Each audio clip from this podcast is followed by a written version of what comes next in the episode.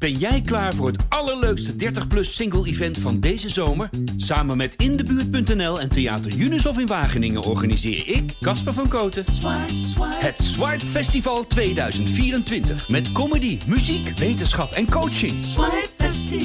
Maar vooral heel veel leuke mensen. Bestel nu je kaart op swipefestival.nl. Swipe, swipe. Hi, voordat je aan deze podcast begint, nog even dit. Ik ben Corine Kolen en samen met Mona de Brouwer en de Volkskrant maak ik een nieuwe podcast, genaamd Moderne Liefde.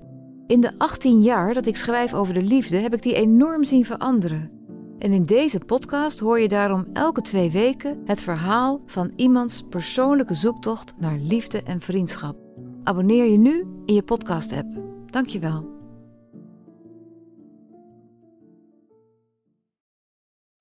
Hallo, mijn naam is Gijs Groenteman. Ik zit niet in een archiefkast op de redactie van de Volkskrant. Ik zit ook niet thuis onder de hoogslaper van mijn dochter. Ik zit in een super eh, charmante ruimte in een gebouw waar op de voorgevel heel groot staat het woord, wat staat er ook alweer?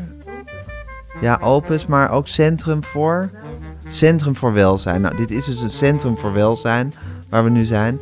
Het is een oud gebouw waar allerlei nou, ik gok allerlei kunstenaars ingetrokken zijn met ateliers. Binnenkort uh, wordt het uh, gewoon tot een, uh, tot een duur hotel omgebouwd. Zoals, zoals dat gaat in de wereld, helaas. Maar nu is het nog hier, deze ruimte is een fantastische soort studio-achtige ruimte. Waar een zangeres, een singer-songwriter in resideert. Ik zie hier een groot bord staan, omdat zij de 3 voor 12 Award 2021 heeft gewonnen. Uh, dat wil zeggen dat uh, 3 voor 12 haar plaat de beste Nederlandse plaat van het afgelopen jaar vond. Er wordt ook nog een geldbedrag bij van 12, 1203 euro en 12 cent. Nou, daar kun je toch heel wat leuke gitaren van kopen. Um, ze werkt onder de naam Luton. Dat is haar, ja, ze is het zelf, maar zeggen haar bandnaam. Uh, de plaat waarvoor ze deze prijs heeft gewonnen heet Drafts. Uh, en ik ga nu met haar praten. Luister naar dit interview met Tessa Douwstra. Ja, Tessa, we zitten in jouw werkruimte in Nijmegen. Door mijn geliefde Nijmegen. Een waanzinnige ruimte. We zijn hier omgeven door een aantal gitaren, versterkers, keyboards, mm -hmm. zie ik daar. Ja. Nou, computers, maar ook een oude, uh, oude bandrecorder met van die spoelbanden. Uh, nou, het ademt hier muziek, vind ik. En ja, je ziet dat hier gecreëerd wordt op een of andere manier. Hou je van deze ruimte? Ja, heel erg. Waarom? Uh, omdat hij van mij is. Ja. um, nog even. Nog eventjes, ja. ja. En uh, omdat ik, nou, ik weet gewoon, omdat ik in deze ruimte heel vaak dingen maak, weet ik gewoon als ik hier binnenkom dat ik dat zeg maar kan gaan doen. Dus Ja. dat geeft gewoon een fijn eh, gevoel. Vind jij het een fijn gevoel als je ergens bent waar je weet dat je er dingen kan gaan maken? Ja, en ook dat, eh, dat je eh, dan niet iets anders, ja, dat je niet gestoord hoeft te worden of zo. Je kunt daarvoor kiezen om, ja, ik weet niet, deze ruimte ho- hoort daar gewoon bij. Net zoals dat je misschien je slaapkamer ziet als hier ga ik straks slapen, Ja, lekker. ja. Heb ik hier dat ik denk, oh, hier ga ik straks iets maken. En jij bent blijkbaar gevoelig voor ruimtes. Dus je vindt het prettig als een ruimte een soort duidelijke, eh, duidelijke functie heeft voor jou. Nou, vooral dat er een deur is die je dicht kan doen. Want ik vind het dus helemaal niet super belangrijk hoe een ruimte er bijvoorbeeld uitziet. Ik kan ook heel goed in heel veel troep werken en zo. Ik heb het nu even speciaal voor jou opgeruimd. Heel lief. En het ziet er heel leuk uit. Maar je zei bijvoorbeeld wel meteen toen we hier binnenkwamen... dit is de enige ruimte in het gebouw waar we zitten... wat geen systeemplafond heeft. Ja, dat is waar. dus je ja. bent toch wel enigszins gevoelig Oh, voor de ja. esthetiek... van dat het hoog is en dat er balken zijn. Ja, nee, klopt. Ja, Nee, dat is waar. ja. Maar het hoeft niet spik en span te zijn. Nee, maar precies. zeggen. ik ben niet zeg maar echt zo'n hele gezellige, ma- zeg maar iemand die zo heel veel kaarsen of zo. eh. Nee, maar toch heeft het, heeft het wel... Maar goed, je hebt het ook opgeruimd. Oh, ja, iets het heeft toch wel weer zijn eigen gezelligheid. Oh ja, nou mijn vrienden omschrijven mijn stijl wel eens als een soort Oost-Duits. Dus ik, ik weet niet. eh, Ja, dat snap ik wel. Ja? Ja, ja. ja. dus ik weet niet. Ik, ik heb zelf daar niet een hele gezellige associatie bij, maar ik vind dat wel heel mooi. Dus Ja. dat klopt dan denk ik wel. En we hadden het net over het, eh, het componeren van muziek. Althans, ik zat weer te ratelen over mijn eigen podcast over Harry Banning. En toen zei van, eh, ik weet niet of je mijn podcast over het maken van liedjes hebt gehoord. Die heb ik niet gehoord. Maar wat wilde je daarover gaan vertellen? Nou, Hoe heet die? Het heette, het was in het, in het kader van mijn eh, nieuwe, nieuwe plaat eigenlijk opbouwend daar naartoe. En het heette Draft, Ja. als in schetsen. Ja, zo, en zo- zo heet je plaat ook. Of die Ja, heet Draft. die heet Draft, Ja. precies. En eh, het was eigenlijk zo dat ik mijn eigen muziek was begonnen eh, vanuit steeds het eerste idee, wat dan op computer tegelijk met het liedje ontstaat eigenlijk. Dus het geluid en, en het liedje en de tekst. En toen dacht ik van, oh, ik ben eigenlijk ook wel benieuwd hoe dat bij andere mensen gaat. Ja, En eh, jij had het er net over dat je het zo magisch vond dat, zeg maar, dat zo'n zo'n Banning dan helemaal niet een interessante persoon is, maar gewoon melodieën kan produceren. ja. En dat zijn, eigenlijk... zijn, hele creatieve, zijn, zijn, zijn hele speciaalheid zat hem in het feit dat hij in zijn hoofd die waanzinnige melodieën maakte. Ja, Ja, En, en wat ik eh, grappig vond, of, of interessant vond aan het maken van mijn podcast ook, was dat het gewoon heel abstract is waar je het de hele tijd over hebt. Dus je kunt je komt er niet achter, Je hè? komt er helemaal niet achter. Je Nee. komt eigenlijk achter hoe een persoon in elkaar zit en hoe dat zich reflecteert in wat hij maakt, denk ik. En Ja. dat was uiteindelijk ook de kern per aflevering, per artiest. Maar het is niet, eh, eh, je kunt daar, er is niet één manier. Er zijn ook niet vijf manieren. Er zijn gewoon oneindig veel manieren Ja. om iets te. En ik denk dat niemand het zelf ook echt snapt uiteindelijk wat hij doet. Ik bedoel, nee. tenminste, waar, waar, waar, waar het echt, eh, waar de sleutel zit. En met andere woorden, dat je, je kan het dan daarmee ook nooit aan iemand anders precies leren van zo maak je een melodie. Want het is gewoon iets chemisch of zo. Nee, klopt. Ja, we hadden het ook over, de- over de Get Back eh, documentaire over de Beatles. Of de sessies die zijn opgenomen en die nu ge- opnieuw gemonteerd zijn en uitgebracht. En dan is er ook inderdaad zo'n scènetje dat Paul McCartney gewoon op zijn, op zijn bas een beetje zit te jammen. En tegelijkertijd eh, het nummer Get Back aan het, eh, aan het componeren is. Ja. En je ziet dat dan inderdaad gewoon, ja, alsof het doorgegaan Je ziet het ontstaan. ja. Hoe is dat bij, bij jou, Tessa? Je hebt, dus, je, hebt dus, je hebt dus op je computer heb je een schetsje. Of dan heb je een beginnetje van een liedje. Ja, voor mijn telefoon. Ehm, en eh, het kan zo ontstaan vanuit gewoon een beetje gitaar pingelen. Weet je wel, bijvoorbeeld zelfs gewoon tv kijken en gitaar pingelen en zingen tegelijk. Dat je gewoon alles tegelijk doet. Ja, misschien dan- juist wel. Ja, en dat je dan alles uitzet omdat je denkt, oh, dit, dit moet ik even opnemen. En dan, en dan begint dat opeens. Ja, Maar het kan ook zijn dat ik. eh, want ik, ik, ik vind het dus wel ook heel erg leuk om de computer als een soort instrument te zien. Dat ik eh, dingen ga opknippen. Er is bijvoorbeeld een ehm, website, dat heet Free Sounds, waar mensen allemaal geluiden opzetten voor, voor gratis. En daar eh, kan je dan gewoon zoeken op stad of zo. En dan download je dat of, een- of klas of zo. En dan krijg je gewoon een groep kinderen die muziek aan het maken is. En daar, ik vind het heel eh, leuk om, eh, om dat gewoon te luisteren en dan te horen of ik daar iets in hoor. En dan Ja. van daaruit ja. iets... Maar het is dus eigenlijk zo, dat kan dus zijn televisie kijken of een beetje naar geluid. Maar er- je moet eigenlijk een soort, soort, beetje een soort contextje hebben waarin die melodie ineens... Ben je nou aan het doen? Ja, ik zet even dit alarm uit. Ik, heb de, ik word de hele tijd, krijg de Ja, hele je, begint tijd over, je hebt een heel klein telefoontje waar je ineens overheen begint te swipen met je vinger. Ja, het is echt Maar is dat een zoom-alarm? Want ik hoor hem niet. Ja, ja, hij zoomt inderdaad, maar ik schrik Oh. me dus helemaal de pleuris. En wat wil hij tegen je zeggen? Ja, dat ik wakker moet worden nog steeds. Al een hele, hele ochtend. ja. Ja, nee, ik ben er weer. Sorry, jij weer. zei het. Nee, dat geeft helemaal niks. Dat vind ik wel leuk. Hoe want eh, ik was hier best wel vroeg. Tenminste, Ja. ik kondigde mijn komst iets vroeger aan dan ik uiteindelijk was. Want Ja, het tussen klopt. half tien en tien. Want was ik om één minuut over tien. Ja. En eh, is dat normaal, ben je normaal al dan, dan al hier? Of, eh, Nou, meestal iets later. Maar ik heb vannacht ook echt gewoon helemaal niet geslapen. Of echt super slecht geslapen. Dus ik had heel veel wekkers gezet vannacht al. Omdat ik heel bang was dat ik het zou missen. dus dit is mijn... eh, dus ik word, nu, ik, ga, ik word er gewoon een klein beetje gestrest wel van. en hoe was je nacht?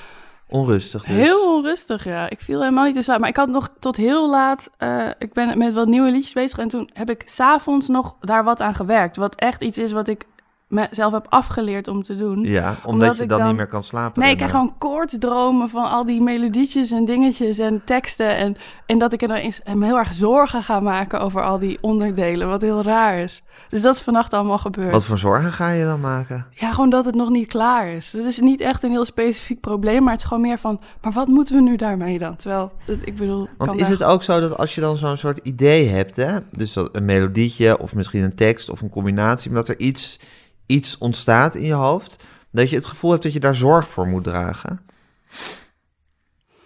Ja, omdat ik denk als het naar buiten gaat, dan wil ik graag dat er, dat het, dat er goed aan gewerkt is. Ik wil niet dat het een soort losse flodders zijn. Ja, Dus daar voel ik een soort verantwoordelijkheid over. want je wil, wat, wat, wat er gemaakt wordt moet goed zijn. Ja, Ja, en dat, moet- dat moet goed doordacht zijn. En misschien ook wat je, wat je verzint. Ik bedoel, het is ook, je kan natuurlijk ook heel achterloos denken...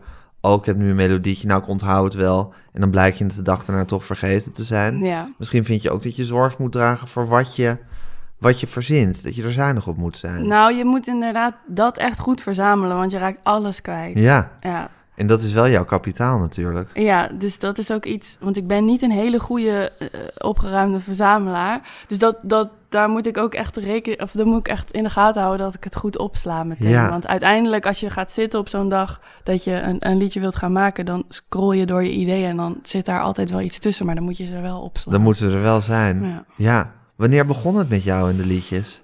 Mm, ik, ik denk eh, toen ik een tiener, in mijn tienerjaren. Ik was altijd wel bezig met eh, allemaal dingen maken. Dus ik bijvoorbeeld ook afgelopen jaar van mijn eh, vader gedigitaliseerde eh, filmbeelden gekregen. En daar, dat, want ik maakte met een soort oude filmcamera die wij thuis hadden ook tv bijvoorbeeld. En reclameblokken en met mijn vriendinnen en zo. En dan had ik helemaal in mijn hoofd hoe ik wilde dat dat ging gebeuren. En ik had een radioprogramma. Zeg maar, ik was de hele tijd allemaal dingen aan het vastleggen en afmaken. En maken sowieso. Ja. ja. Dus, dus dat begon al heel vroeg. Dat was denk ik nog daarvoor zelfs. En toen op een gegeven moment heb ik een blokfluit. Dit is echt een heel suf verhaal. Maar heb ik een blokfluit gekregen. En daar ging ik dus zoveel op spelen. En eh, ik had noten geleerd van mijn eh, nichtje. Die had dan dat uitgeschreven in zo'n boekje van... hier kun je iets mee. En toen ging ik daar meteen liedjes mee maken. Dat het zo was van oké, nou misschien geeft dat kind ook nog een gitaar. En, toen, en zo is het gewoon een beetje doorgegaan. Dus alles waarmee je dan iets kunt maken, dat ging meteen vrij obsessief. Ja, dus uiteindelijk is het de muziek, of tenminste is het ook de muziek geworden, maar er zit gewoon een soort maakdrift in jou. Ja, denk wel, ja. Wat grappig, hè? ja En wat voor meisje was je? Wow, ja, dat weet ik eigenlijk niet zo goed. Dat waar is moeilijk waar om groeide, waar groeide je op? Ik groeide op in Amersfoort. En... Nou, ik was wel, was wel denk ik een beetje een streberig... Ik denk dat het wel een beetje een irritant... Ik weet het niet of het irritant was. Ik was best wel streberig. Dus ik vond ook bijvoorbeeld school heel leuk. Eh, ik wilde graag En dan wil je het goed doen. goed doen. Ja. Ja. dus ik denk dat ik ook wel gewoon heel onzeker was. Maar ook wel gewoon heel ambitieus of zo. Beetje van beide. Ken je dat? Dat is een beetje gek. Zeker, ik snap het heel goed. Ja, Want het is een soort onzeker, maar het is natuurlijk denk ik ook juist wel een beetje, ook wel een beetje stellig in hoe ja je het is het ook wil. een beetje arrogant ja, tegelijkertijd. precies. Ja, maar dat onzekerheid en arrogantie gaan natuurlijk heel vaak hand in hand. Ja, Gek genoeg. ja, Ja, dus ik, eh, ik was wel ja, een beetje streberig of zo. En ik, eh, maar ik denk ook altijd, ik denk als mensen mij omschrijven, dan zeggen ze vaak dat ik gevoelig ben. dus ik denk dat ik dat ook altijd al wel was. en ben je dat met ze eens als ze dat zeggen? Ja, ben ik wel met ze eens. Ja, ik vind het alleen niet echt een soort geuzennaam nog. Daar ben ik nog mee bezig. Ik, dat ik denk van, oh, dat is echt heel vet als je dat bent. Dat is, op een of andere manier heb ik het gevoel dat in de wereld daar nog niet een hele goede... En waar zit die gevoeligheid dan in? Ik bedoel, wat, wat, wat betekent dat dan in jouw geval, geval dat je gevoelig bent? Hmm. Ja, dat zou ik eigenlijk aan al die mensen moeten vragen. Maar ik vind het heel Ja, maar goed, als ze, als ze dat, zeker, maar als ze dat zeggen, dan begrijp je dus wel wat ze bedoelen. Ja, ik denk gewoon... Ik wil bijvoorbeeld altijd heel graag heel veel dingen bespreken en begrijpen. Ja, Dus ik kan niet zo heel veel dingen onbesproken laten. onbesproken laten. Ja, Dus dat is denk ik een en dat had je bepaalde als kind ook al. Als 13, Ja. zeg 13 jaar. Ja, ik denk het Ja. wel. Ik herinner me ook dat ik wel met leraren, bijvoorbeeld als ik dan iets niet snapte. Ik weet dat er een leraar was, leraar Nederlands, wat een, wat een leuke meneer was, maar die eh, wilde bijvoorbeeld niet eh, orgaandonor eh, worden.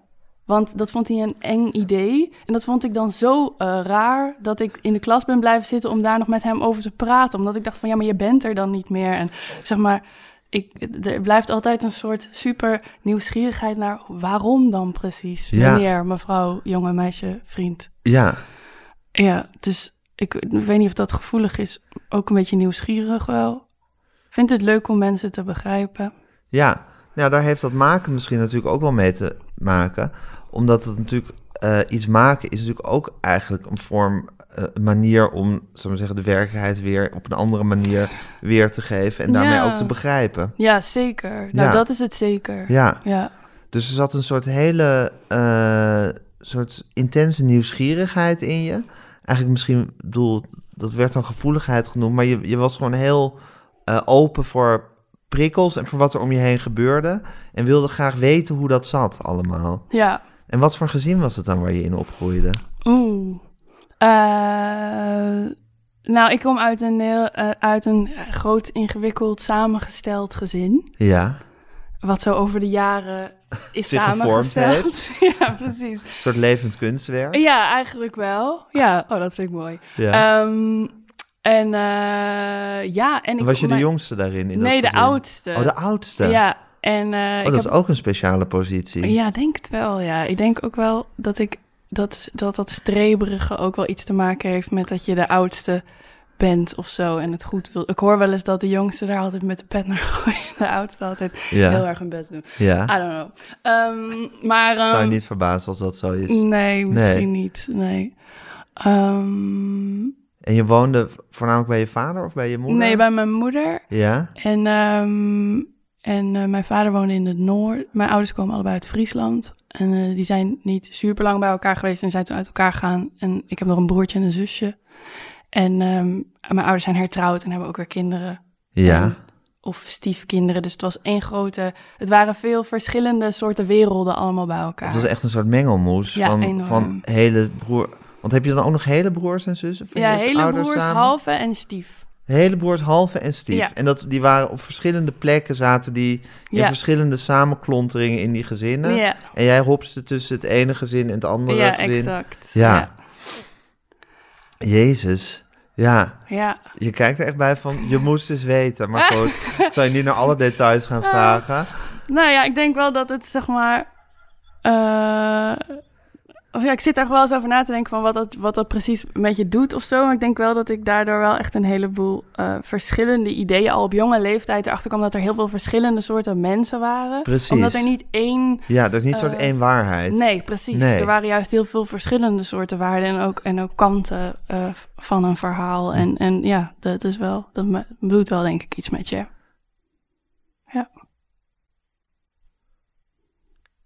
En dat, en dat maakt, nou goed, dat, die, dat nieuwsgierige zal ook in je karakter hebben gezeten.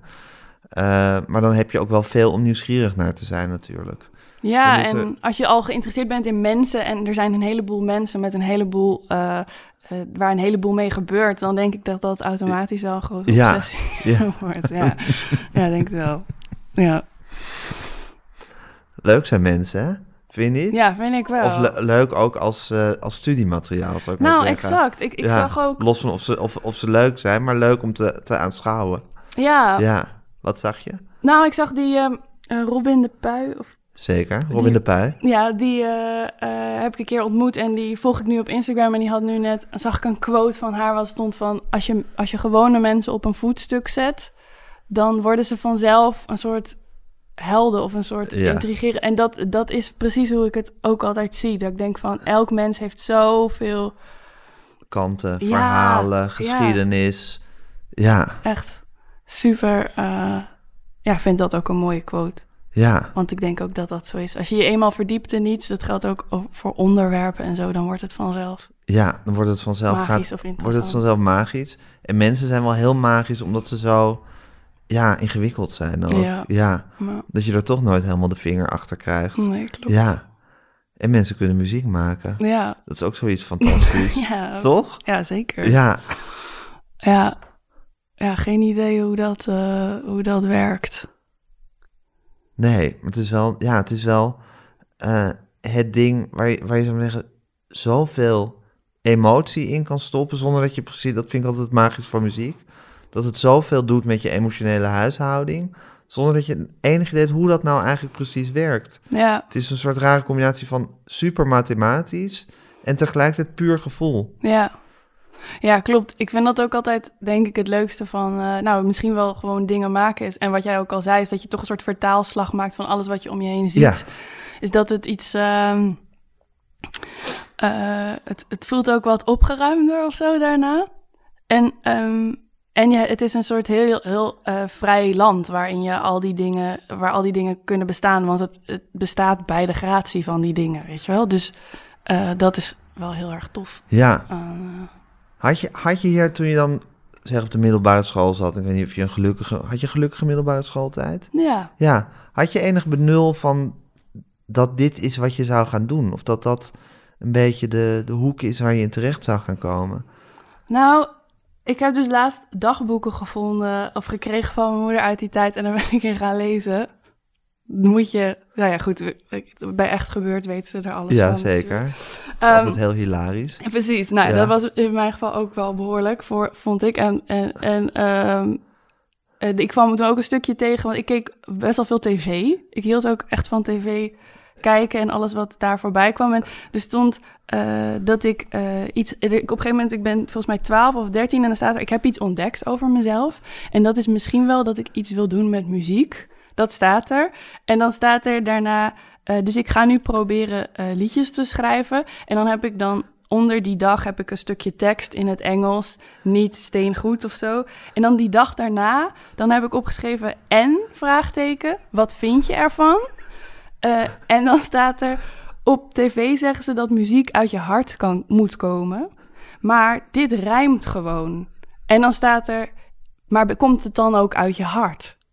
En dat is vanaf dan ben ik daar blijkbaar naar op zoek gegaan. Ik vond dat echt best wel tof. Een openbaring. Ja, Ja, ook omdat ik zo klein was en dat ik dus iets had gemaakt en daar al meteen de dag daarna over na ging denken van, nou is dit dan wat het moet zijn? ja maar dat is wel, dat is wel, dat is wel een, een- natuurlijk een hele interessante filosofische gedachte.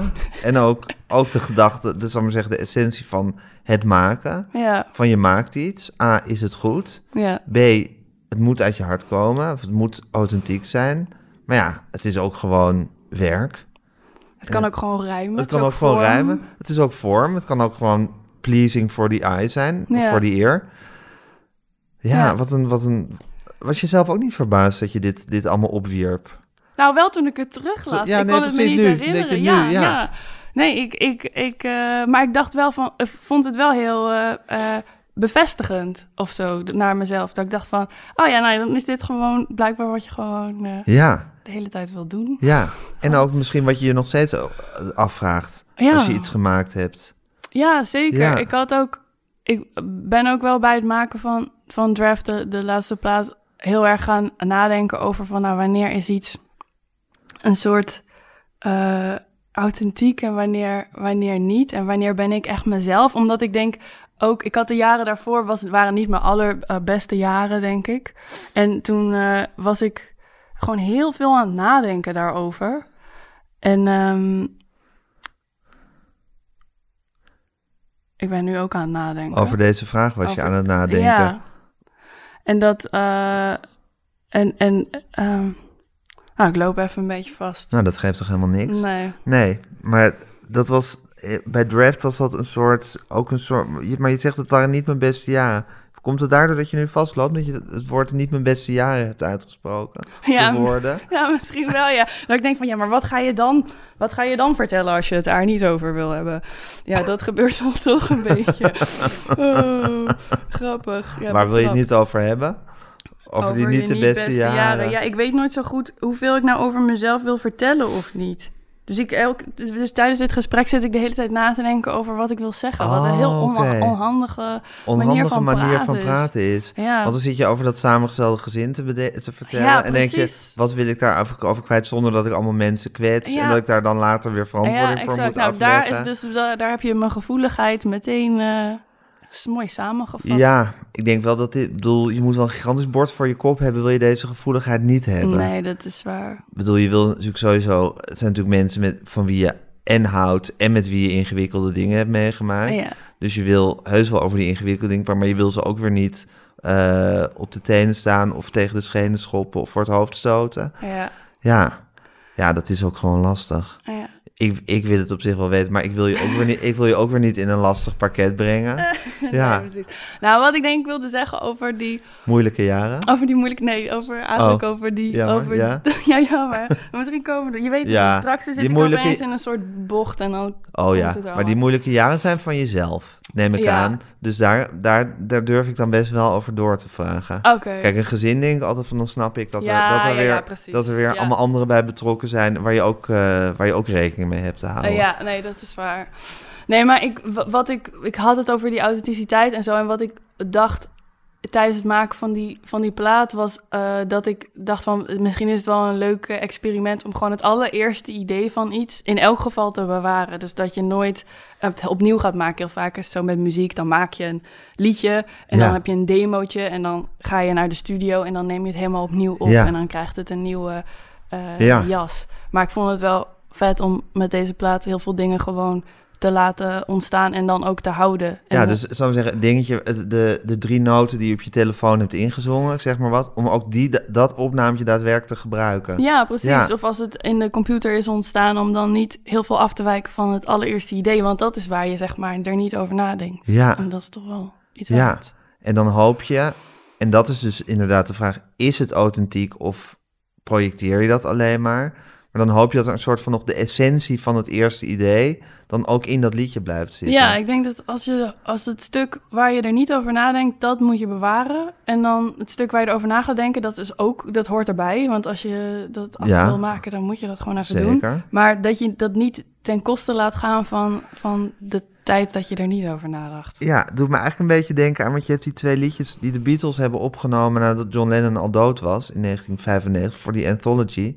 En toen hebben ze zo'n demootje van John Lennon gebruikt van twee liedjes, van Real Love en nou, die andere, Free as a Bird. En daar, dat zou ik maar zeggen, dat hele lied omheen, om, omheen gebouwd. Dus Ah, je ja. hoort en nog die demo, dan hoor je Ja. hem zingen.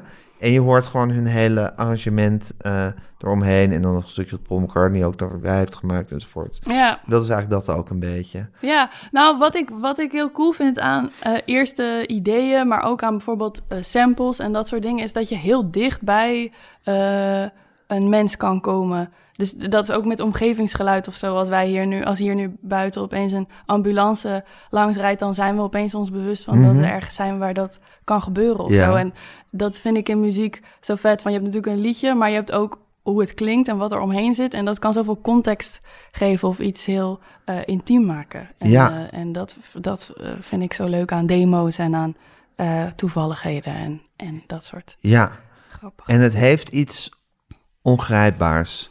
Waarom, waarom het dat wel heeft als het dat demootje is en niet meer als je het daarna overdoet. Ja, Je kan het bij, exact gaan imiteren en dan mist het toch misschien dat wat dat eerste dingetje wel had. ja, Ja, ze noemen het ook wel demoitis, toch? Of ik weet niet of je dat wel eens hebt gehoord. Nee. Oh, dat is de muzikant. is dat een eh, muzikantending? muzikantending dan. Ja, dat je als je een eerste eh, demo hebt gemaakt en je gaat daarna het bijvoorbeeld opnieuw doen of anders, dat je dan de hele tijd terug verlangt naar, dat, Ja. naar je demo. En dat Naar de noemen ze dan ziel de- van die demo. Maar misschien dan zeg je zo van, heb je iets opgenomen en dan zeg je, oh, ik mis misschien dat shakertje of zo. En dan, maar misschien is dat ook wel demoitis, want het Ja. zat in de demo. Dat is dan hoe dat hoe Ja. daarover wordt gepraat. En demoïd is eigenlijk heimwee naar de demo. Ja, eigenlijk wel, ja. naar het eerste, eerste ideetje. Ja. Ja, en toch is dat ook wel weer de essentie van goed kunstenaarschap. Dat natuurlijk het eerste ideetje uitbouwen tot iets groots. En dan toch de ziel van dat eerste Ja. ideetje erin kunnen houden. Dat is eigenlijk wat het moet Dat zijn. is eigenlijk waar het om gaat, hè? Ja, precies. Ja, zeker. En dat is toch, he- heeft dat ook te maken met die eerste vraag die je toen in dat... Ja, lekker. Oh, heb jij nog? Nee. Oh. Oh, je hebt dan één slokje. Oké. Die eerste vraag wat je, die je toen in je dagboek stelde van... eh, het moet uit mijn hart komen. Hoe doe je dat? Hoe doe je dat eigenlijk? Ja. Ja, Oh. Ik zie het helemaal voor me. hoe je daar zat te schrijven Ja. of niet? Ja. En wat zie je dan voor je? En dan heb ik heel lang haar nog. En, ehm, en dan, eh, dan lig ik waarschijnlijk gewoon in mijn bed. En dan moet ik naar school. Ik vind sowieso gedachten aan school altijd heel leuk. Ik heb soms heel veel zin om weer naar school te gaan. Dat is ook Dat een soort je- demoïtis, hè? Ja, misschien Ja. wel. Ja, eh, gewoon het, de, de, ik vind het leven eh, is ook wel leuk of zo. Ja, heel veel mensen hebben dat tijd. natuurlijk niet. Maar ik vind, ja, ik vond het echt leuk, wel leuk als ik daaraan terugdenk. Maar dat is toch heerlijk? Ja, en dat ik dan gewoon zo lekker in mijn bed eh, waarschijnlijk... eh, ik ging ook eh, altijd heel vroeg opstaan om dan nog te leren, want dat vond ik dan heel moeilijk die dag ervoor. Dus dan ging ik gewoon om zes uur op of zo en dan ging ik dan iets leren. In plaats van die avond ervoor. Want Dus je bent een uitsteller. Een beetje, je bent een enorme Ja, uitsteller. je kan dingen pas als het echt, eh, Als het echt als het wel- mes op je keel Ja, staat. als het om negen uur 's ochtends En je wilde het wel heel goed doen. Ja, Dus dan ging je wel echt om zes uur opstaan om je Franse woordjes te leren. ja, precies. toch? Ja, ik vind het wel een mooie gedachte. Maar dat, ja, en dat in dat dagboekje, ja, ik weet niet, ik vind het wel, ik vind het wel tof. Ik denk dat ik best wel eens soms twijfel aan eh, eh, eh, waarom je precies de dingen doet die je doet. Maar als je dan dat soort dingen ziet, dan is het gewoon ook een beetje, voelt het ook een beetje als de aard van het beestje of zo. Dat het bijna niet anders kan. Ja, Ja. dus dat het ook wel logisch Nou, er zit dus sowieso een enorme maakdrift in jou. En dat vind ik dus ook weer fascinerend aan mensen, dat de ene persoon een enorme maakdrift heeft en de ander niet. Maar jij hebt dat dus wel. Ja. Dus er moeten sowieso dingen uit. Er Ja. moet geproduceerd worden. Ja, Misschien inderdaad om je nieuwsgierigheid te bevredigen. Om te kunnen snappen wat er, wat er allemaal om je heen eh, gebeurt. ja, Dus dat je dat pad moest bewandelen, dat lijkt me duidelijk. ja, Op de een of andere manier. Dan moet je natuurlijk eigenlijk nog een talent vi- vinden wat er dan het best bij, eh, ja. wat er dan het best bij past. En eh, hoe, hoe moet ik me die moeilijke jaren voorstellen? Ja, ik, altijd... Was het, was het depressie of was het... Nou, het was denk ik echt een soort super eenzaamheid. En ik weet niet of ik echt depressief was, maar ik heb gewoon denk ik zoveel nagedacht over wie ik was en wat iedereen was en wat ik daarmee moest, dat ik daar eigenlijk gewoon eh, heel erg eh, eenzaam van werd. Je hebt het eigenlijk een beetje stuk gedacht. Ja, Ja, echt wel. om nog gewoon je normaal tot anderen te kunnen verhouden. Want je zo diep had nagedacht van... Wie ben ik? Hoe ga ik met Ja. mensen om? Wat is authentiek? Wanneer ben ik echt? Wanneer Ja. ben ik nep? Eh, mag, ik, mag ik nep zijn? Of moet ik altijd echt zijn? Moet ik altijd zeggen wat ik denk? Of moet ik ook, kan ik meedoen in het sociale babbelverkeer? Ik zit nu te improviseren. Ja, nee, het was Ja. inderdaad heel erg van, ben ik, eh, ben ik ook mezelf als er andere mensen bij Ja, zijn? Of ben ik alleen mezelf als ik alleen ben? Want dan ben ik vrij, wat ik net ook zei met dat maken, dat dan alles mag bestaan. Ja, Blijkbaar heb ik het gevoel dat ik gecensureerd moet worden op het moment dat ik met anderen ben.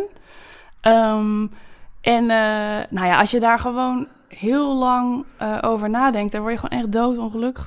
Ja. En gewoon heel erg alleen, want je hebt dat helemaal niet, eh, je kunt dat helemaal niet delen. nee, nee, plus dat het je eigenlijk je, je contact met mensen kapot maakt. Omdat je dan zodra je dan aan de gang gaat met mensen... dan denk je weer, oh god, nu ben ik dit aan het doen. Ja, je dan wordt je hyperbewust Precies, je wordt van een alles. soort van, eh, altijd een soort aanschouwer van de situatie op het moment dat je met anderen Dus je hebt jezelf eigenlijk een beetje de eenzaamheid ingedacht. Ja, echt wel. Ja. Ja. Ja, dat vind ik ook echt helemaal niet leuk om aan terug te denken. Dat snap ik. Aan de andere kant is het wel, je hebt dus wel in ieder geval het talent en de hersens om heel diep over dingen na te denken. Dat is natuurlijk ook wel weer een gave. Blijkbaar is authenticiteit en wat komt uit je hart en wat is echt en wat is niet echt. Dat is blijkbaar al vanaf toen je op je dertiende dagboek schreef, een soort oerthema van jou. Eh, dus misschien moest je er ook gewoon doorheen. Ja, dat denk ik ook. Ja. Het was echt, eh, echt iets wat een keer... eh, Wat een keer moest gebeuren. moest je moest dit ja. proces een keer door, doorstaan. Ja, Ook om te weten dat dat, dat dat geen geslaagd experiment is. Om dat zo te gaan zitten beredeneren allemaal. ja, precies. Ja, Ja. want je bent helemaal niet een contactloos of gesloten iemand. Nee, klopt. Nee. Maar ik denk soms een beetje dat ik Je bent misschien een een beetje... te- communicerend iemand. Ja, precies. En ik denk ook. En ik denk ook dat ik daar wel heel erg van kan genieten. Maar ik ben gewoon een beetje een angstig eh, persoon, denk ik dan. Eh, in die zin. Dat gewoon. ehm, Er komt meteen weer, er komt meteen weer die hamer met die gedachten. Dus ik heb weer iets gezegd over mezelf. En dan wordt het daarna meteen stil. Dus het wordt echt een soort. eh, de binnenkant van mijn hoofd hoorspel. maar ehm, ja, Nee, dus, eh, nee, dus ik, ik hou daar wel heel erg van. Maar ik had dus blijkbaar bedacht dat het een soort vaste identiteit was. Dat ik alleen mezelf was op het moment dat ik eh, alleen was. En, eh, en aan het werk was ook. Ja. Dat had ik ook heel erg bedacht. Ja. Dus als ik ook niet aan het werk was, dan voelde ik me ook heel rot. Dus Ja. ik moest en de hele tijd alleen zijn en de hele tijd werken. Ja, en dan moest het allemaal authentiek en echt zijn. Ik moest het allemaal authentiek echt, er moet ergens over gaan. Maar ik maakte dus ook niks mee, want ik was de hele tijd met mezelf. Ja, En, en zo, eh, zo heb ik dat zo heel draaide je jezelf vast. Daar ben ik mezelf helemaal vast gaan draaien. Ja. Ja, ja. En wat was het moment dat je echt helemaal vast zat? Ja, wat ook fascinerend is, Tessa, dat, dat ik gewoon steeds aan je gezicht zie. Eh, dan, zeg, dan zit je lekker te praten. En, op, op, en dan zie ik gewoon op een gegeven moment soort van... Nou, die ha wat je dan zelf als een hamer omschrijft. Dan zie ik ineens zo'n soort, soort verstarren. En dan denk je, oh god, wat nu? Ja, En dan moet je weer op gang, eh, op gang komen. ja. Ja, dat vind ik geweldig. Oh ja? Ja. Nou, gelukkig. Ja, fantastisch. ja, Oh. het is wat, hè? het is zeker Om met wat. jezelf te moeten leven. Ja, zeker. En het is wel grappig, want zo, in, ehm, in eh, heel veel interviews kan ik ook prima over andere dingen praten. Maar op een of andere manier zit ik nu echt helemaal in deze, In deze vibe. vibe. Ja, het is echt Ja. extreem. Ik ben heel, heel dicht bij ehm, die, eh, die gedachte weer of zo. Ja. Ja, maar volgens mij ben je er wel doorheen, Tessa. Ja, volgens mij ook. En het is ook wel heel tof, want wat ik altijd wel leuk vind van het maken van een, van een plaat bijvoorbeeld, is dat je het dan ook kunt afsluiten. Dus er zijn altijd van die periodes in je leven die je een soort van daarin vat. Ja. En eh, Is Draft heel erg de afsluiting van die periode? Ja, of misschien het begin van het Of einde. het begin van het einde? Ja. Of het begin van een nieuwe misschien ook wel? Ja, denk het Ja. wel. Ja. Dus, eh, Maar het is wel een soort scharnier, scharnierpunt in je leven. Ja, zeker. Ja.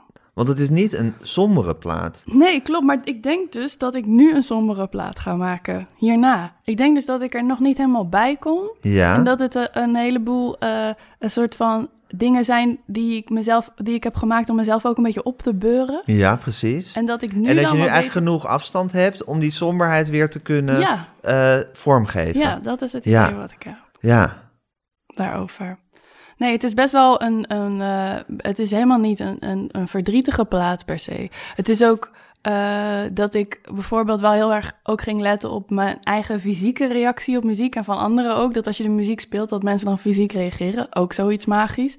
Ik bedoel, Ja. dat is gewoon een soort oergevoel. ja, dat je ze ziet bewegen of ziet kijken of heel geconcentreerd Ja. ziet zijn. Ja. En dat ik dacht van, oh, als ik muziek maak, dan vind ik het zo fijn zelf om eh, te willen bewegen. Dus daar ben ik ook echt zo naar op zoek gegaan. Dus ik denk dat het allemaal, eigenlijk misschien heb ik mezelf wel uit, eh, uit mijn eigen ehm, cirkeldenken gehaald. Door gewoon dat allemaal te maken en af te maken. En dan te zeggen, nou dat is dan het zijn, zijn we af of zijn we niet af project.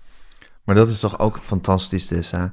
Dat je gewoon in staat bent om iets te maken waarmee je zelf uit je eigen visueuze cirkel haalt. Ja, Dan moet je toch jezelf toch ook een enorme schouderklop voor geven. ja dit is eh, wel heel fijn dat het bestaat. Ja. Ja, man. ja, Ja, maar en dat vind jij, ik ook En zo... dat jij het hebt gekund. Gewoon als, als puur persoonlijke prestatie van jezelf. Ja, nou ja, bedankt. Ik eh, ben daar ook erg blij mee dat dat kan, dat dat zo werkt. Ik kan ook, denk ik, eh, dat is gewoon. Ik kan ook echt niet zonder die dingen. Dus eh, Kan je eigenlijk een moment herinneren uit je moeilijke jaren... dat je, zou maar zeggen, het vastst zat? Dat je jezelf echt het helemaal vast had gedraaid... en dat het, het loswrikken begon? Dus dat, het, dat, dat, dat, dat je de bodem had bereikt en weer naar boven bent gegaan? eh, hij kon dus ook heel weinig slapen. Eigenlijk heb ik het idee dat het ook begon met... Er is bij mij... Ik woonde in Rotterdam toen. En eh, er is toen op een gegeven moment iemand aan mijn deur geweest. Midden in de nacht, want ik werk er heel vaak s'nachts. Of dat deed ik toen. En eh, er kwam midden in de nacht iemand aan mijn deur. En die ehm, was helemaal in tranen en die wilde geld. En toen Was heb dat ik... iemand die je kende? Of Nee, het was iemand die ik niet kende. Toen heb ik geld gegeven. Eh, omdat ik eh, dat ook heel, aan, heel heftig vond. En toen, eh, daarna heeft diegene is teruggekomen. En die deed net alsof dat geld weer terug naar mij zou komen. Maar dat is toen niet gebeurd. En toen, een week later, is er ook bij mij ingebroken. Want diegene, diegene is bij mij binnen geweest en zo. Want ik dacht, oh, dit is echt heel lief. Diegene kwam echt met uh, allemaal hapjes die tweede keer. Zo van, bedankt dat je me de vorige keer hebt geholpen. Geef me even je uh, rekeningnummer, dan maak ik het geld terug naar je over. Oh, wat een leuk huis, wat een mooie instrumenten. En toen, daarna is er een week later of zo, hebben ze geprobeerd in te breken. Maar toen was ik thuis. En toen was er dus iemand met een soort hamer en een schroevendraaier ah. mijn uh, raam aan het in, uh, inslaan, slaan. intikken, ja. ja. En toen ben ik mijn woonkamer ingelopen, heb ik heel hard huh, geroepen. En uh, of wat de fuck gebeurt hier? En toen zijn die mensen weggerend. En toen daarna heb ik een hele tijd, want ik zat dus al een beetje in deze cirkel, toen heb ik daarna ook heel weinig geslapen. En daar word je echt helemaal crazy van. Dus als ik me herinner dus toen is het eigenlijk een soort van... Ik ben heel veel s'nachts gaan wandelen, heel veel podcasts geluisterd... heel veel muziek geluisterd, heel veel muziek gemaakt... maar ook wel echt verdrietig geweest. En ik denk dat op een gegeven moment toen ik weer een beetje kon gaan slapen... dat het toen langzaam weer eruit kwam. En dat ik ook dacht van, oh ja, uh, je moet echt iets fysieks afmaken om weer door te kunnen. Je kunt niet voor eeuwig in het proces blijven hangen of nadenken over het proces of nadenken over wie je bent. Mm Er moet een moment zijn dat je daar, uh, dat je kiest dat je dat uh, gewoon gaat doen. En ja. ik denk dat dat, op een gegeven moment ben ik verhuisd en vanaf dat nieuwe huis is het denk ik weer een soort van uh, daaruit ja, gekomen. Dus die plek en deze soort, um, ja, nou ik wil het geen magische gebeurtenis doen, want dan maak je het heel mooi, maar de, deze soort ja, bij het bijna theatrale gebeurtenis van een, een vreemde bezoeker aan je deur die iets van je afkomt uh, ja, ontnemen. Ja. Eerst, eerst, eerst vragend en vervolgens... Uh, bedanken. Bedanken en vervolgens gewoon uh, binnendringen. Ja. Wat natuurlijk ja, een soort filmscène op zichzelf is. Ja. En ik kan me voorstellen dat het heel ontregelend is en je ook nog verder in dat soort rare isolement drukt waar je dan toch al Ja, ik voelde me ook heel genaaid, ja. Ja. Ja. En, maar dat, en toen heb je op een gegeven moment gewoon bijna besloten van ik moet, een ik moet die plaat gaan maken of ik moet iets, iets afmaken om ja. dit af te sluiten ook. Ja, want anders dan blijf ik hier voor eeuwig uh, in hangen. Ja. ja, het is nu, nu, nu uh, kiezen of delen. Je moet gewoon door. Ja. Ja. Wat een verhaal het is, hè? Ja, ik zit er ook weer over na te denken. Het is echt een uh, analyseerfeest. ik heb dus vannacht ook niet zo lekker geslapen. En ik heb het idee dat ik gewoon in een soort... Ik heb helemaal niet het idee dat ik echt een gesprek aan het voeren ben. Ik voel me een soort... Een soort draaierige Gek. versie van mezelf. Oh, ja, ik heb echt geen idee wat ik aan het zeggen ben. Ja. Maar het komt er toch best wel samenhangend uit, hoor. Ja, nou, dat is grappig, ja. Maar ik heb gewoon steeds het idee van, waar gaan we nou naartoe? Wat is nou de, wat, wat is de essentie van dit? Waar, wat, is de, wat is wat we willen vertellen? Daar ben ik naar op zoek. Ben jij daar ook naar op zoek? Um, nou, kijk, volgens mij kom je nooit tot, uh, tenminste, weet niet of je ooit tot echt tot de essentie van wat je wil vertellen komt. Want daar, daarmee zou het, zou het te simpel zijn eigenlijk. Ja. Dan zouden we het ook in een zin af kunnen doen, het hele interview. Ja. Namelijk die essentie. Maar soms uh, kom je wel in een interview, en dat, daar gaat het voor mij altijd om, tot een paar momenten waarvan je dan denkt van, ja, hier gaat het over. Ja. Dus dat je, dat je gewoon voelt, en dat was bijvoorbeeld toen je net dat verhaal vertelde, of ook toen je dat verhaal over je dagboek vertelde als meisje, dat je, den, dat je, dat je voelt van dit zijn gewoon essentiële passages in jouw leven geweest. Waar, waar, waar, waar, waar, het, waar, waar, je, waar die bepalen wie je bent of die heel belangrijk voor je zijn dat je dat hebt meegemaakt, dat dat is gebeurd, die iets heel essentieels over jou zeggen. Dus eigenlijk altijd als ik een paar van dat soort momenten in een interview heb gehad, dan ben ik eh, dik tevreden. Want dan, heb je toch heel even geraakt aan uh, waar het over gaat. Anders dan dat je gewoon praat over van... Uh, hoop je dat je ook in Amerika gaat doorbreken? Of uh, ja, weet ik veel, gewoon een babbel-interview wat je ook over muziek kan Ja, jij bent eigenlijk ook gewoon geïnteresseerd in mensen. Eigenlijk wel, ja, tuurlijk. Ja. Ja. Ja. ja, en ik vind dus dat jij als dertienjarige uh, je eigenlijk zo'n wezenlijke vraag stelt over kunst of over maken, wat het eigenlijk is en wat het moet zijn, vind ik dan heel interessant, omdat je eigenlijk bewust misschien bent op dat moment dat het een hele wezenlijke vraag is. En dat je dus, dat je dus hersens hebt die zo kunnen nadenken en zo diep kunnen nadenken ook, maar dat je daar dat dat dus ook je eigen vijand is gebleken. Dat je dus ook zo diep kan nadenken dat het je, dat het je, eh, dat het je eh, vastzet. Ja. Dat het, je, dat het je helemaal doldraait. En het is natuurlijk ook nu tijdens dat interview misschien, maar misschien dat je daarom ook denkt van, oh god, dat je dus ook weer je hersenschenk overuren denkt, dat het zo bewust bent van wat je aan het zeggen bent, wat je wil zeggen, wat je misschien te persoonlijk vindt, hoe we hier zitten, hoe het overkomt, of het wel ergens heen gaat, of we wel het grote doel aan het dienen zijn, of, het, of we wel op een logische manier van A tot Z komen. Dat je daar dan helemaal van, eh, dat je denkt dat je vast Ja, dus ik heb op tv gehoord dat het uit je hart moet komen, maar ik ben nu aan het kijken of we niet alleen maar aan het rijmen zijn, Zoiets. maar ook... nee, je bent eh, gewoon hyperbewust. Ja, Ja, precies. ja, Ja, ja dat denk ik ook. ja. Leuk Tessa. Hoe dat allemaal werkt. Ja, hè? Ja. Ja, vind ik ook. En je zong in een kerkkoor als kind. Ja, heb ik eh, veel gedaan, ja. Is dat leuk? Ik vond dat heel leuk. Ja, ook omdat ik daar leerde dat ik eh, een soort talent had voor muziek. Dus dat, wel, dat ik denk dat het altijd leuk is om iets mee te maken waar je merkt dat je goed in bent. Ja. Zo min mogelijk je denkt, hey, dit weerstand. kan ik. Ja. En eh, we hadden gewoon zo'n soort kinder...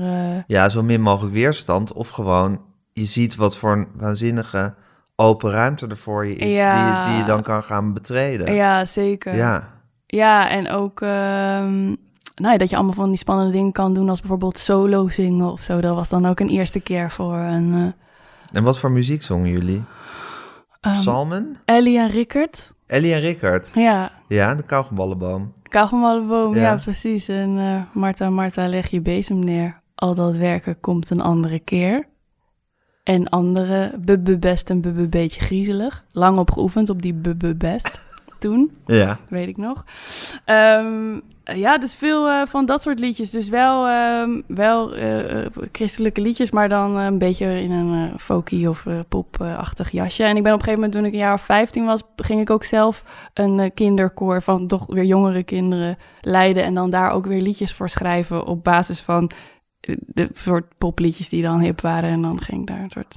Oh, wat grappig. Dus je, de eerste liedjes die je schreef, waren zo maar zeggen christelijke popliedjes. Ja, klopt. Ja, eigenlijk wel. Doe je het zegt. Nou, ik denk dat ik daarvoor misschien al wel een keer eerder een liedje had geschreven. Want het eerste liedje wat ik ooit schreef, wat ik me kan herinneren, ging over ehm, eh, iemand eh, die wij eh, kenden, onze familie. En die, ehm, die overwoog om euthanasie te eh, plegen. En dat, kwam, dat hoorde ik als kind en dat vond ik zo heftig dat ik toen een soort liedje heb geschreven van het is nog te vroeg om te gaan. Dat was zeg maar mijn allereerste zelfgeschreven lied.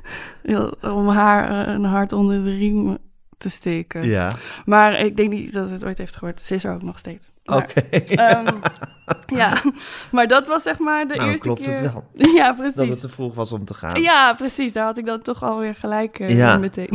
nee, dus, dus, eh, dus er waren ook gewoon liedjes over de dingen om me heen. Maar eh, in, de, ja, in de kerk werd gewoon een heleboel muziek ook gefaciliteerd natuurlijk. En Ja. op school, ik zat ook op, op een school waar we veel met muziek deden. En dat is dan gewoon, dat wordt dan de hele tijd gecultiveerd. Ja. En keek je ook naar EO-kinderprogramma's? Ja, Ja, ja, daar was ik ook dol op als Ja? kind. Ja, ik ben natuurlijk wel een stukje ouder dan jij, Ja. maar goed. Die waren er vroeger ook eh, natuurlijk al. nee, dat was echt de eerste, eh, dat waren, daar keken we veel naar. Ja. En vind je dat goed? Als je nu, hoor je die muziek nog wel eens? Hoor je nog wel eens Ellie en Rickert of eh, Nee, niet dat soort echt. dingen? Nee, ik heb wel op mijn laatste EP, die nog na de plaats uitgekomen, Ja. een heel klein stukje samen met mijn oma gezongen van het liedje Zeker. Stil maar, wacht maar. Ja, Ehm, wat wel ook uit die tijd komt. Dus er zijn wel eh, liedjes die af en toe nog zo in mijn hoofd oppoppen. En ik heb nog een heleboel vrienden van vroeger. En met hen eh, kunnen we ook erg veel plezier hebben van het zingen van dat soort liedjes. Ja, precies. Dan, dan, als jullie dan samen zijn, dan kan het zo, hup, komen ze er weer uit. Ja, zeker. zijn maar het goede liedjes? Er zitten wel goede liedjes tussen, ja. Maar er zijn wel ook heel veel liedjes die echt op het grote gevoel ook eh, zijn geschreven. Ja, Dus bijvoorbeeld van die opwekking en zo, ik weet niet of je dat kent. Dat is dan echt... Weet- eh, ja. hm, wat wij zeggen? Nee, niks. Ik bedoel, ik weet niet welk liedje je bedoelt, maar ik ken, Ja, ik ken weet het ook fenomeen. Precies, Ja. nou dat is dan gewoon iets eh, meer nog echt om, om eh, God ook nou ja, te aanbidden en op te roepen of zo. En ik, en ik herinner me wel echt van die liedjes dat dat, nou dat dat heeft wel een hoog, dat zijn echt een beetje de ballads van de, van de christelijke popmuziek. Ja. Waarin je dan echt de, de, het, het grote gevoel wil aanspreken. En was het ook in deze context dat er werd gezegd, muziek moet uit je hart komen? Nee, dat Of is dus niet? wel grappig. Ik vond het juist wel grappig dat in, in de kerk zingen. En dat is ook wat, ik, wat mijn herinnering daaraan is. En daar ben ik ook op dit moment weer heel erg mee bezig. Is dat het zo vet was dat je dus niet bezig was met jezelf, maar met iets buiten je. En daar zong je voor. Dus daar ging het gewoon allemaal om. Dus eh, Want je was Jezus of God aan het bezingen of Dus, aan het... Ja, dus het ging niet echt over je niet- eigen hart van ben jij eerlijk over jezelf of zo. Maar het ging gewoon over dat je de, waarom je er bent, dat je dat even bedankt in een liedje. Ja. Weet je wel? En dat is een heel ander gevoel dan. eh, eh, Dan de hele tijd van, ik heb liefdesverdriet of ik zit hier naar te ja, verlangen. ja, of, dat, ja, of ik snap het niet en de wereld is Ja. rolt. Terwijl je zou kunnen zeggen dat, dat misschien toch de oorsprong... of een van de oorsprongen van de popmuziek is natuurlijk de soulmuziek. Wat natuurlijk gospel is, maar dan over, lief, over de liefde. Ja, en je Ja. zou ook kunnen zeggen dat überhaupt al die emoties eh, ook allemaal God zijn. Precies, allemaal universeel. Precies. Ja. En dat is ook natuurlijk het vette van überhaupt tekst en, en muziek, dat het allemaal dingen kan raken. Het kan alles zijn. Maar het gevoel van, die, van dat zingen is toch anders. kerk het is, toch anders als je zo inderdaad met z'n kerk met z'n allen staat te zingen. En niet om je eigen particuliere emoties te bezingen, maar gewoon om het, het grote te eren. Ja, dat je niet zegt van dit ben ik en hier sta ik voor en Ja. ik inspireer jullie, maar dat je zegt van ik ben al geïnspireerd en dat ga ik nu gaan we met elkaar delen of zo. Ja. Dat is eigenlijk eh, het is misschien ook raar dat ik daar een soort verschil in maak hoor tussen die twee dingen, maar zo heb ik dat heel erg ervaren en dat lijkt me heel vet om weer te vinden, maar in een soort nieuwe. eh, Want je komt niet meer in de kerk. Nee, nee. Waarom niet? Nou, ik heb ook voor mijn gevoel er nooit bij gehoord. Maar dat heb ik met alle groepen misschien waar ik kom. Dat ik dan daar ben en dan er naar kijk. Maar er nooit bij hoor. Dus dat zit gewoon in, jou, in jouw wezen. Ja, dus ik had nooit het idee dat ik daar helemaal deel van was. Maar ik vond het wel tof om er te zijn. Ja, want zoals je het vertelt, klinkt het alsof je er heel erg deel van was. Want je zong in dat koor, je, had, je bleek talent te hebben voor muziek, je mocht solo zingen. Dus je was, eh, dat, dat werd gestimuleerd. Ja, Dus dat klinkt heel erg alsof je werd omarmd. Volgens ging je zelf ook nog een koor dirigeren. ja. Dus dan, dus je, werd niet, je werd niet echt met de nek aangekeken daar. Nee, klopt. Maar het is misschien Je voelde meer... je toch een buitenstaander. Ja, omdat ik, omdat ik niet alle dingen helemaal snapte waar het, waar het over ging. Ja, En ik vond het bijvoorbeeld ook heel raar, ook als tiener, dat er eh, geen eh, vrouwen in het ambt en zo. Dat was dan ook heel erg een ding zaten. En dat ik gewoon niet zo goed snapte waarom het allemaal was zoals het was. En dat er niet zoveel vragen... en Weet je, ik vind het ook heel raar eigenlijk in een kerk dat er nooit een soort vragenrondje is, toch? Dat vond ik zelf altijd jammer. Dat ik dacht van ja, maar ik, ik heb het gevoel dat we allemaal moeten accepteren wat er wordt gezegd. Ja, en we kunnen dus je niet- had, zou ik zeggen, die leraar die tegen orgaandonatie, of die geen orgaandonatie wilde. En daar wilde je al precies van weten hoe het dan zat en waarom en ja, hoe dan en de logica. ja, En dan had je, zat je in die kerk waar toch heel veel best wel onlogische dingen, zou ik zeggen, voor, voor waar worden verteld. ja, En dan wilde jij eigenlijk gaan in de vraag van maar hoe kan het dan dat hij over water liep? ja, Of zoiets. ja, hoe dan? En dat, was, en dat is natuurlijk niet echt aan de hand.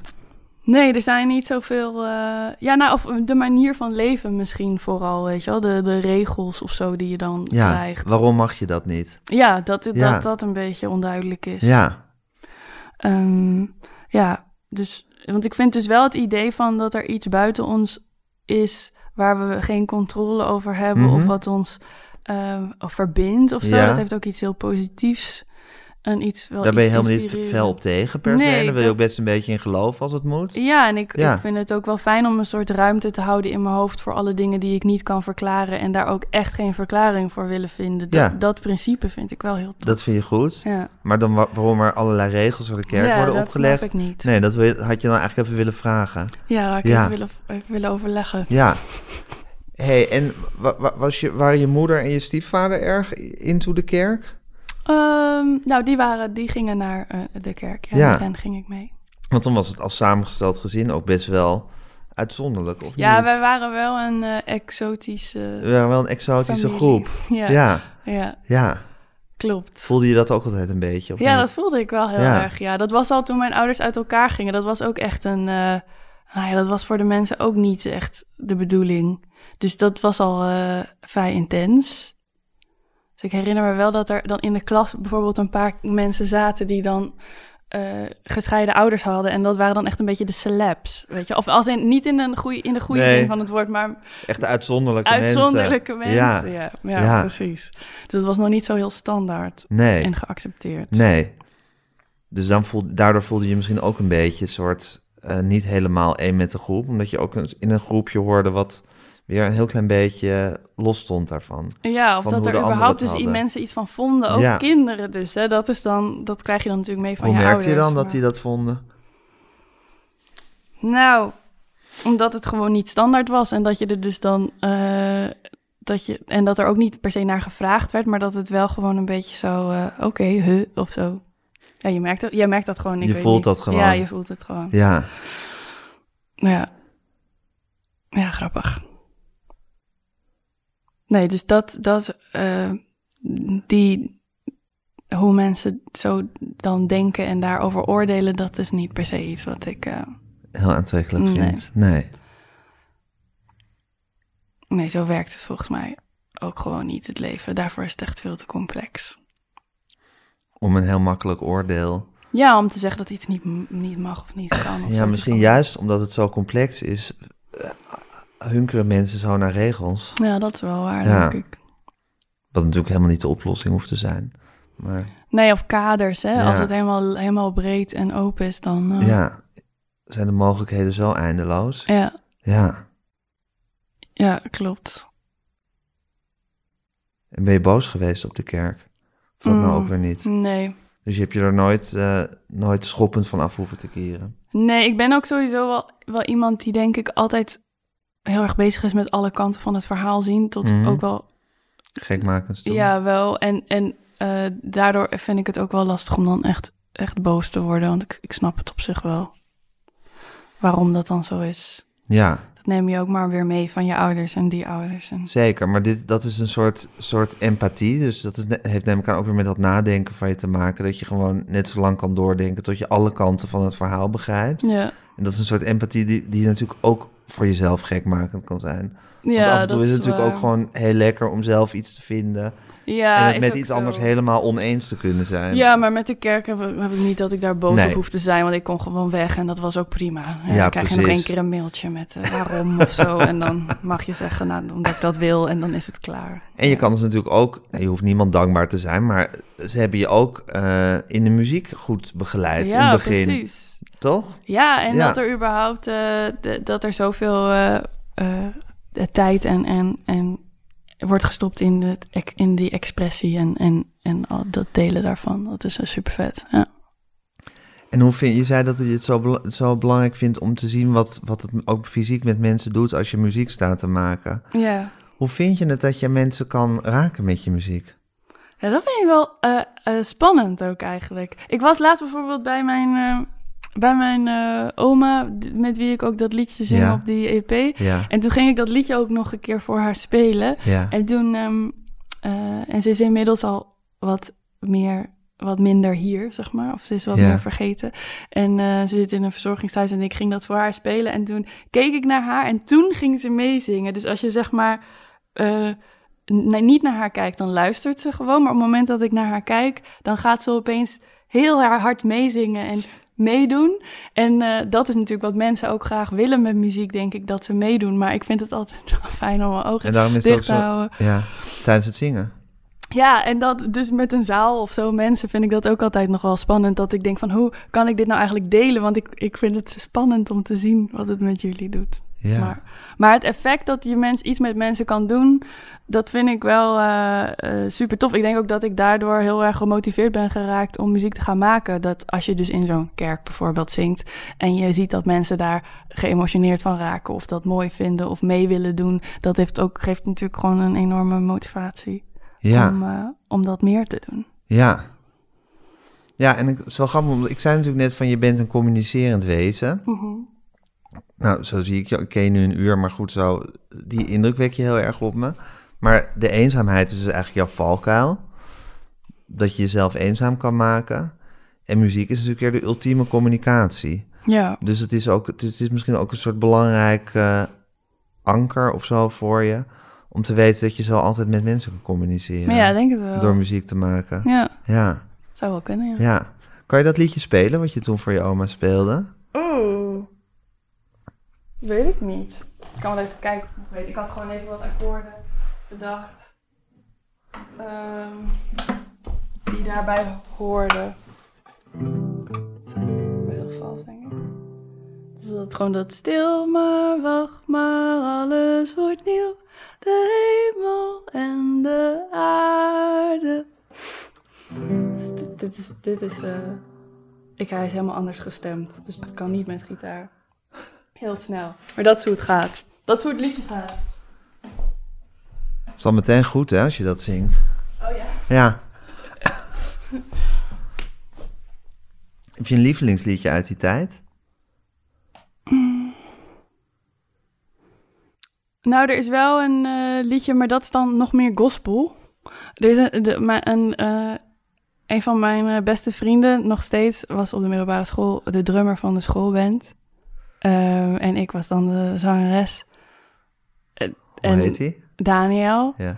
En ehm, hij eh, had mij een keer een cd gegeven van de Edwin Hawkins Singers. Dat is zo'n eh, groep eh gospelkoor. En die opname van Oh Happy Day van hen is heel, heel beroemd. Maar die hebben ook een liedje To My Father's House heet dat lied. En dat is wel denk ik een van mijn favoriete ehm, gospel tracks. Dat is denk ik echt fantastisch. Waarom is het zo goed? Nou, omdat het gewoon aangaat en het gaat nooit meer uit. En het is gewoon... Het begint en dan hoor je gewoon... Dat vind ik ook zo vet, dan hoor je zo die hele ruimte. Want de gospel namen ze dan heel vaak zo op in een kerk. En, en die instrumenten stonden ook gewoon in die kerk. Dus dat galmt allemaal heel Ja. erg. Drums en piano. En, en dat hoor je aan het begin. En, eh, en dan zet dat koor in en dat is gewoon zo'n klap in je gezicht. Dat vind ik zo vet. Het is gewoon geen remmen, helemaal niks.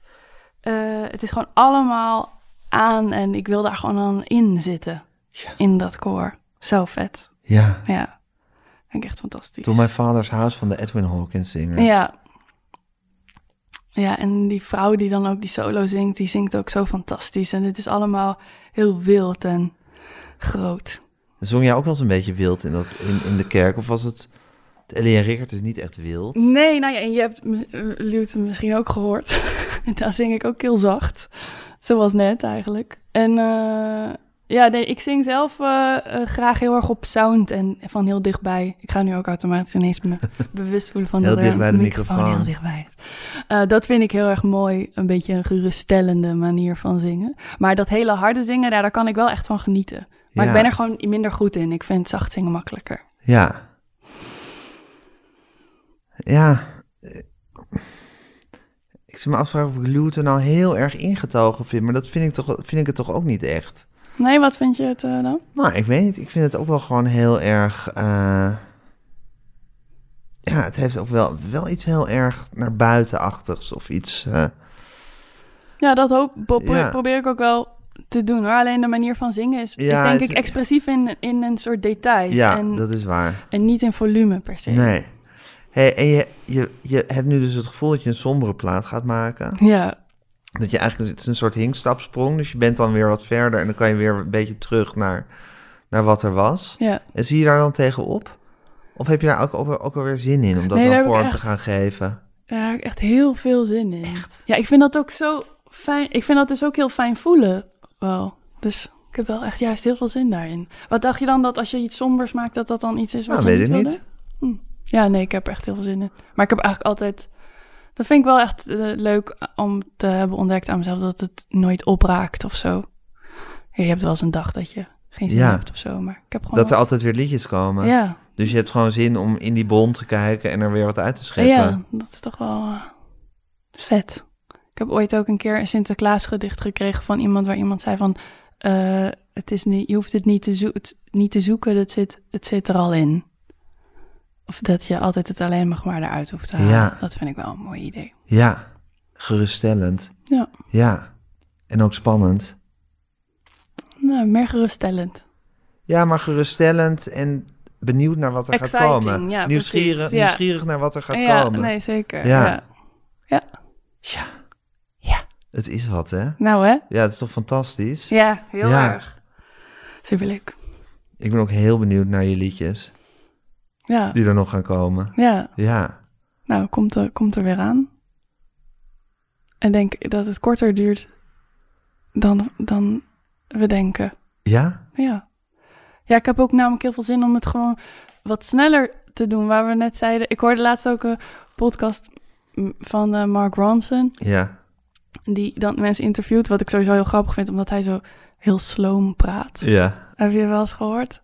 Hij praat heel sloom. Ja. Dat is heel grappig. Eh, en toen interviewde hij iemand en toen zei die eh, eh, gast van, eh, of vroeg hij van, eh, maak je dan alles al helemaal af voordat je de studio ingaat? En toen zei die eh, jongen die hij interviewde van My Morning Jacket, een band, die zei, nou, I, I like to keep some, some of, eh, te- of ik zou graag wat ruimte voor God willen bewaren. Ja. En we hebben het net even over God gehad. Dat vind ik wel, eh, dat is ook een beetje mijn nieuwe filosofie. Dat ik denk van, ik vind het wel leuk om even te kijken wat er gebeurt als je het niet precies snapt. wa- wat je aan het doen bent. Nog minder snapt eigenlijk. ja. Dus ook als je een tekst schrijft, dat je dan niet nog... Ja, want je zei eh, in het begin van... ik vind altijd dat als ik, als ik iets naar buiten breng... dat het soort goed doordacht moet zijn... en dat, het goed, dat er goed aan gewerkt moet zijn. Maar misschien moet het soms juist ook een beetje niet helemaal... tot Ja. in de puntjes doordacht zijn. Nou ja, want wordt het... Ja, precies. Daar, Ja. dat, is, dat is nu gewoon een beetje... Ik vind het leuk om uit die vorm dingen te denken. En dat is nu een beetje waar denk ik ja, naartoe gaat. en soms moet je het ook gewoon een beetje laten gaan misschien. Ja, denk ik wel. Met welk liedje zullen we eindigen? Wat zullen we van je laten horen aan de mensen? Oh. Nou, misschien wel leuk om. Ehm, Don't Be a Stranger te draaien. Ga die dan hier achteraan geplakt Die gaat hier nu achteraan. Oh, dat vind ik echt heel leuk. Dan ga ik je nu bedanken en dan gaan we hem daar achteraan plakken. Oké. Ga Daan hem daar achteraan plakken. Is goed. Oké, heel erg bedankt Tessa.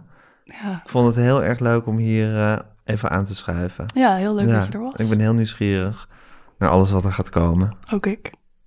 Thanks.